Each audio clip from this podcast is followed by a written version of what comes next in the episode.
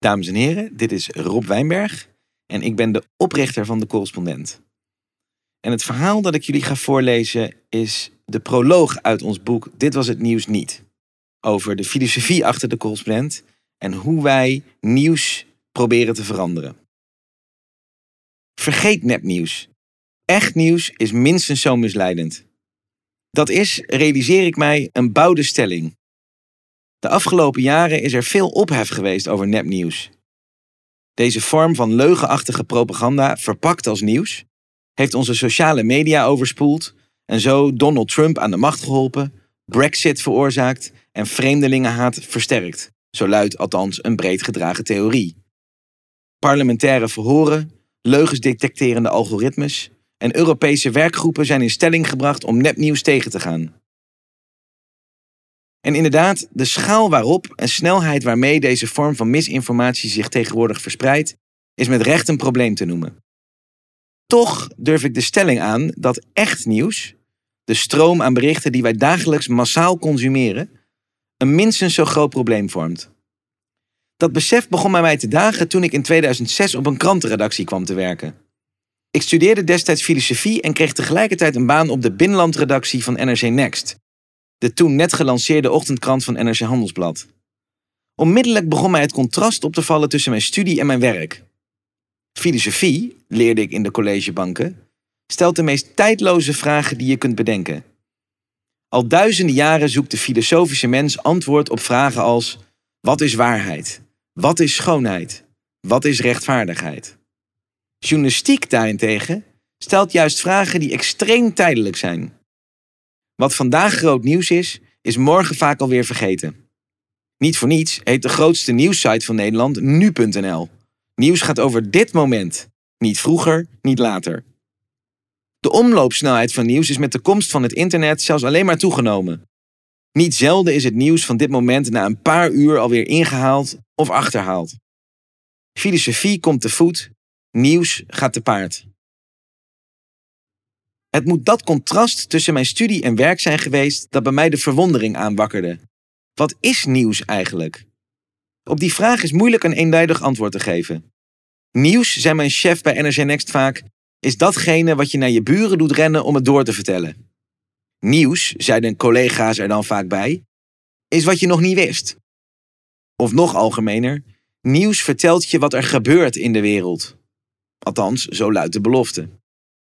Hoewel nieuws dus van alles kan zijn, kwam ik er gaandeweg achter dat er wel degelijk, vaak onuitgesproken, criteria zijn waarop journalisten baseren of iets nieuws is of niet. Zo kwam ik langzaam maar zeker tot een eigen definitie. Nieuws bestaat uit sensationele, uitzonderlijke, negatieve, recente gebeurtenissen. En in precies die vijf woorden zit ook het grote probleem met nieuws besloten. Om met dat sensationele te beginnen. Nieuws is meestal datgene wat zodanig opvalt dat het opgemerkt kan worden. Nieuws draait vaak om het meest zichtbare, explosieve zelfs. Daarom, zegt antropoloog en journalist Joris Duindijk, zijn aanslagen vaak wel nieuws, maar is de bezetting van een land dat meestal niet. Aanslagen zijn heel zichtbaar. Bezetting is dat veel minder. Of anders gezegd, een ontplofte bus kun je gemakkelijk filmen, onderdrukking van alledaagse vrijheden niet. In het verlengde hiervan draait nieuws meestal om het hoogst uitzonderlijke. Dagelijks gaan bijna 10 miljoen Nederlanders probleemloos naar hun werk. Maar pas als er een auto van de weg raakt of een trein ontspoort, is dat nieuws. Dat is namelijk ongewoon. Om die reden zien we grote ontwikkelingen pas als er iets uitzonderlijks gebeurt.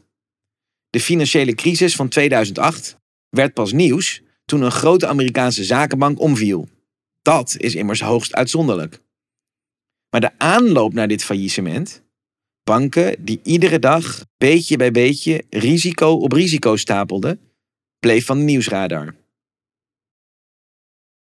Ook is nieuws bijna zonder uitzondering negatief. If it bleeds, it leads.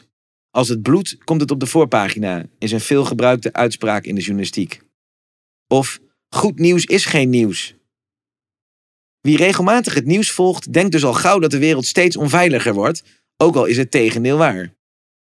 Bovendien geeft nieuws constant het gevoel dat mensen niet te vertrouwen zijn.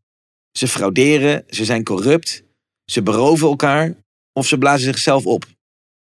De werkelijkheid is dat de overgrote meerderheid van de mensen goed doet en goed wil doen. Daarnaast is nieuws geobsedeerd door het recente. Voor bijna al het nieuws geldt, het moet zojuist hebben plaatsgevonden.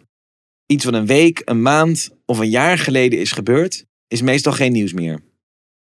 Maar het meest recente is niet per definitie het meest invloedrijke. Alles in de wereld heeft een geschiedenis. En die geschiedenis bepaalt voor een flink deel waarom iets gebeurt.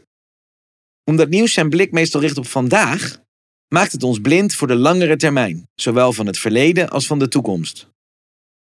Zo blijven de grootste veranderingen in de samenleving buiten beeld. De financialisering van onze economie, de verwetenschappelijking van ons wereldbeeld, de digitalisering van onze informatie. Geen van deze zaken heeft ooit letterlijk op een voorpagina gestaan. En dat komt, tot slot, omdat nieuws hoofdzakelijk draait om gebeurtenissen. Nieuws moet in journalistiek jargon een haakje hebben. Een aanleiding om het nu en niet later te melden. Dat klinkt logisch, maar het betekent dat ontwikkelingen vaak het journaal niet halen. Ontwikkelingen zijn namelijk geen momenten, ze schrijden voort. Het journaal eindigt daarom altijd met het weer, maar nooit met het klimaat. Want je kunt niet zeggen: vandaag is het klimaat veranderd, terwijl dat wel zo is. Het haakjesdenken is overigens ook waarom veel nieuws bestaat uit zogenoemde agenda-journalistiek. Steeds weer terugkerende, vaak geplande gebeurtenissen die als aanleiding gelden om iets tot nieuws te verheffen. Denk aan persconferenties, evenementen, kwartaalcijfers, rapporten, herdenkingen en jubilea. Heel veel nieuws kun je daardoor al van tevoren uittekenen en is in die zin helemaal niet nieuw. Alles bij elkaar opgeteld lost nieuws zijn belangrijkste belofte dat het je laat zien wat er gebeurt in de wereld, dus juist niet in. Wie het nieuws volgt weet vooral wat er meestal niet gebeurt. Anders dan nepnieuws, dat simpelweg onwaar is, misleidt echt nieuws ons dus op een fundamentelere manier. Het geeft een verkeerd beeld van waarschijnlijkheid, van historie, van vooruitgang, van ontwikkeling en van relevantie. Daardoor denk je al snel dat de meeste terroristen moslim zijn, terwijl dat niet zo is. Dat het alleen maar slechter gaat met de wereld, terwijl dat niet zo is. Dat aanslagen een groter gevaar vormen voor ons welzijn dan suiker, terwijl dat niet zo is. Dat de financiële crisis in 2008 begon, terwijl dat niet zo is. Zoals de veelgebruikte uitdrukking luidt: wie de krant niet leest is ongeïnformeerd, wie de krant wel leest is verkeerd geïnformeerd. Het effect van onze nieuwsconsumptie is dat het ons bang maakt voor andere mensen, sceptisch over onze toekomst en cynisch over onze eigen invloed hierop. Nieuws bekrachtigt onze hardnekkigste vooroordelen en grootste angsten. Het maakt pessimistisch en wantrouwend. Nieuws, kortom, is niet goed voor ons, als individuen en als samenleving. Wat suiker is voor het lichaam, schreef de Zwitserse schrijver Rolf Dobelli eens, is nieuws voor de geest. Om hier iets aan te doen heb ik in 2013 de Correspondent opgericht. Een advertentievrij, door leden gefinancierd journalistiek platform. Onze slogan, een dagelijks medicijn tegen de waan van de dag, vat onze missie samen. We proberen een soort tegengif tegen de ergste bijwerkingen van nieuws te zijn. Centraal in deze missie staat een andere definitie van nieuws. In plaats van alleen te kijken naar wat er vandaag gebeurt, richten we ons op de correspondent juist op wat elke dag gebeurt. Daardoor ga je anders kijken naar de wereld en ga je ook andere vragen stellen. Bijvoorbeeld, hoe kan het dat bijna niemand het één na grootste Nederlandse bedrijf ter wereld kent? Het antwoord, dit bedrijf, een olie- en gastransporteur genaamd Vitol, is niet beursgenoteerd en heeft dus geen dagelijkse beurskoersen om nieuws aan op te hangen. Tegelijkertijd is het wel extreem invloedrijk. Als Vitol besluit zijn schepen niet aan te laten meren, heeft dat direct effect op de olieprijzen en daarmee op bijna alles wat we consumeren. Toch was er voor onze publicatie over dit bedrijf nog nooit een Kamervraag gesteld over deze multinational met meer dan 200 miljard euro omzet per jaar. Want driekwart van alle Kamervragen wordt gebaseerd op nieuwsberichten. En over Vitol zijn nauwelijks nieuwsberichten te vinden. Zo proberen we op de correspondent elke dag verhalen te schrijven die geen nieuws, maar wel nieuwswaardig zijn. Verhalen die geschreven worden door correspondenten met een gemeenschappelijke missie. Het sensationele vervangen door het fundamentele en het recente vervangen door het relevante. Deze verhalen kunnen niet ontstaan zonder de hulp van onze inmiddels meer dan 60.000 leden. In de eerste plaats omdat zij betalen voor onze journalistiek. Daardoor kunnen we de correspondent volledig advertentievrij houden. Niet alleen is dat prettig voor het oog, geen schreeuwende banners op je scherm. Het is ook een belangrijke voorwaarde voor het soort journalistiek dat wij beogen te maken. Want de sensatiezucht en hypegevoeligheid van ons dagelijkse nieuws worden voor een flink deel veroorzaakt door het achterliggende bedrijfsmodel. Sinds de 19e eeuw wordt nieuws namelijk voor een aanzienlijk deel gefinancierd door adverteerders.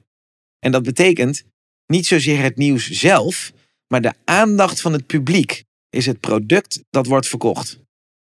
Zodoende zoeken nieuwsmedia dus voortdurend naar datgene wat de meeste aandacht trekt. In deze zogenoemde aandachtseconomie zijn de chocoladeletters op de voorpagina ontstaan en vulden onze sociale media zich met clickbait. Op de correspondent zijn deze prikkels minder aanwezig, omdat wij geen adverteerders, maar alleen de lezers zelf als klant hebben. Daarnaast spelen onze leden ook een cruciale rol in het ontdekken en uitpluizen van de alledaagse structuren waar onze journalistiek om draait. Bij de correspondent geloven we namelijk dat 100 leden per definitie meer weten dan één journalist. Op ons platform delen deze alledaagse experts hun kennis en ervaringen met onze correspondenten. Zo helpen honderden leraren, leerlingen en schooldirecteuren onze correspondent onderwijs te begrijpen wat er op onze scholen gebeurt. Zoals ook honderden dokters, postbodes en machinisten onze correspondent marktwerking inzicht verschaffen in wat er speelt in onze publieke diensten. We vragen jullie vaak: wat maak jij dagelijks mee op je werk of in je leven, wat zelden in het nieuws is, maar wat eigenlijk op een voorpagina zou moeten staan? De antwoorden zijn vaak het begin van ontdekkingen die we alleen nooit hadden kunnen doen. En uiteindelijk is deze vorm van journalistiek, waarbij journalisten niet alleen maar zenden en lezers niet alleen maar consumeren, geworteld in een onderliggende opvatting. Dat we door kennis en ervaringen met elkaar te delen de wereld iets beter achter kunnen laten dan we haar gevonden hebben.